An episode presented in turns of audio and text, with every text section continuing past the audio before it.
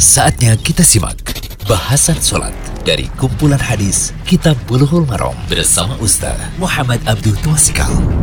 Bismillahirrahmanirrahim. Assalamualaikum warahmatullahi wabarakatuh. Alhamdulillah Salatu wassalamu ala rasulillah Wa ala alihi wa man tabi'ahum bi isan ila yamiddin Allahumma inna nas'aluka ilman nafi'a Wa rizqan tayyiba wa amalan mutakabbala Puji syukur kita panjatkan pada Allah Salawat serta salam Semoga tercurah pada Nabi besar Nabi agung Nabi kita Muhammad Sallallahu alaihi wasallam Baik uh, Pada kesempatan kali ini kita masuk ke audio ke-70 dari pembahasan kitab Bulughul Maram, kitab salat masih dalam hal-hal yang jadi bagian untuk menambah kekhusyuan di dalam salat kita. Atau Imam Ibnu Hajar Asqalani menyebutkan bab al-hasi alal khusyuk fi shalah, bab dorongan untuk khusyuk dalam salat. Kali ini bahasan kita adalah hadis 246 dan hadis 247 menjauhi gambar yang melalaikan dalam salat menjauhi gambar yang melalaikan dalam sholat. Hadisnya dari Anas kelanjutan dari sebelumnya sama dengan sebelumnya dari Anas bin Malik ya.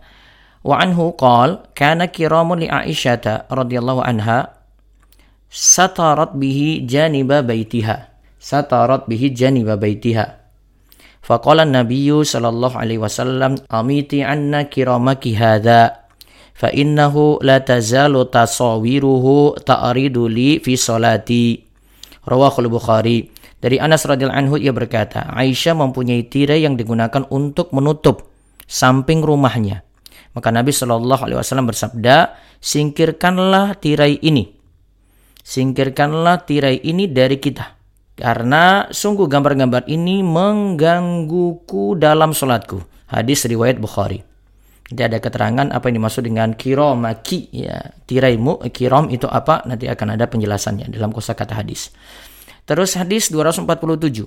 Wattafaqa ala hadithiha fi qissati ambijaniyati Abi Jahmin wa fihi fa innaha alhatni an salati. Dari Al-Bukhari dan Muslim juga sepakat atas hadis Aisyah tentang kain anbijaniyah yang dihadiahkan kepada Nabi Shallallahu Alaihi Wasallam dari Abu Jaham.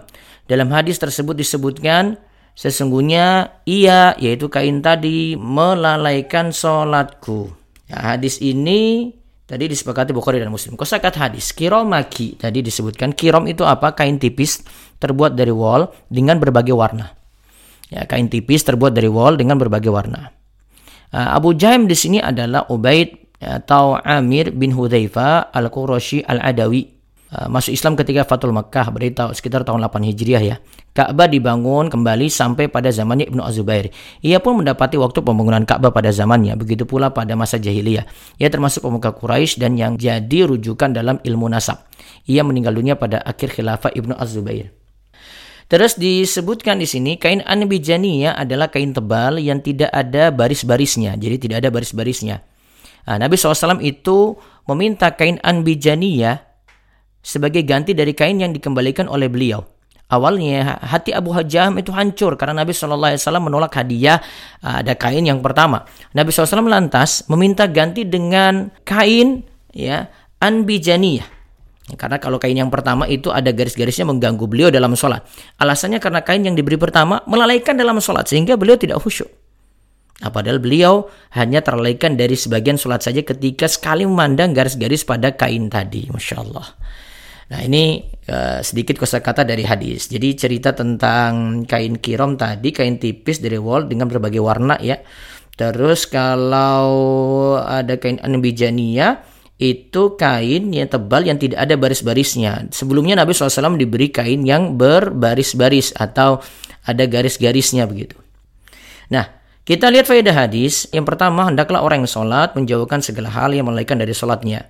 Yang membuat lain di sini ya bisa jadi ukiran, uh, gambar, tulisan-tulisan dan lainnya.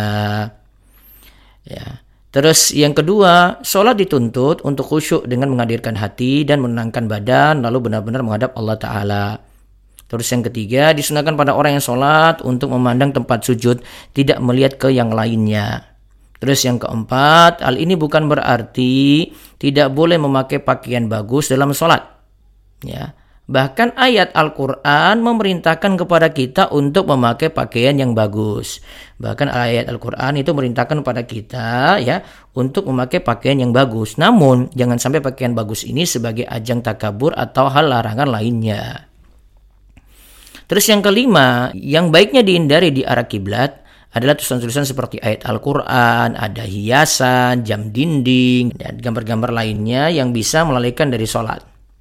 Karena arah kiblat itu adalah arah kita menghadap, kita menghadap kiblat ya. Jadi kalau ada sesuatu depan kita saat kita sholat, nah itu nanti akan melekan kita dalam sholat. Ya walaupun ini bukan masuk dalam hal pembatal ya baiknya dihindari karena apa? Tadi mengganggu kekhusyuan kita.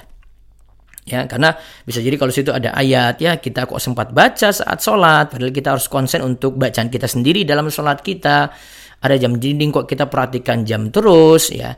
Atau gambar-gambar yang lainnya ada lukisan-lukisan gitu sampai pun ada gambar orang soleh ya. Nah ini baiknya dihindari di arah kiblat tadi. Ya terus yang keenam baiknya tidak memajang gambar manusia atau hewan pada dinding atau pintu karena intasyabbu menyerupai kelakuan penyembah berhala. Ya bahkan memajang gambar lebih-lebih nanti orang soleh ya dapat mengantarkan kepada penyembahan terhadap gambar-gambar tadi Ya, kita tahulah apa yang terjadi pada kaum Nuh, Yahudi, Nasrani awalnya karena mengkultuskan seperti itu. Wallahu a'lam, semoga jadi ilmu yang manfaat. Demikian bahasan solat dari kumpulan hadis Kitab Bulughul Maram bersama Ustaz Muhammad Abdul Tuasikal.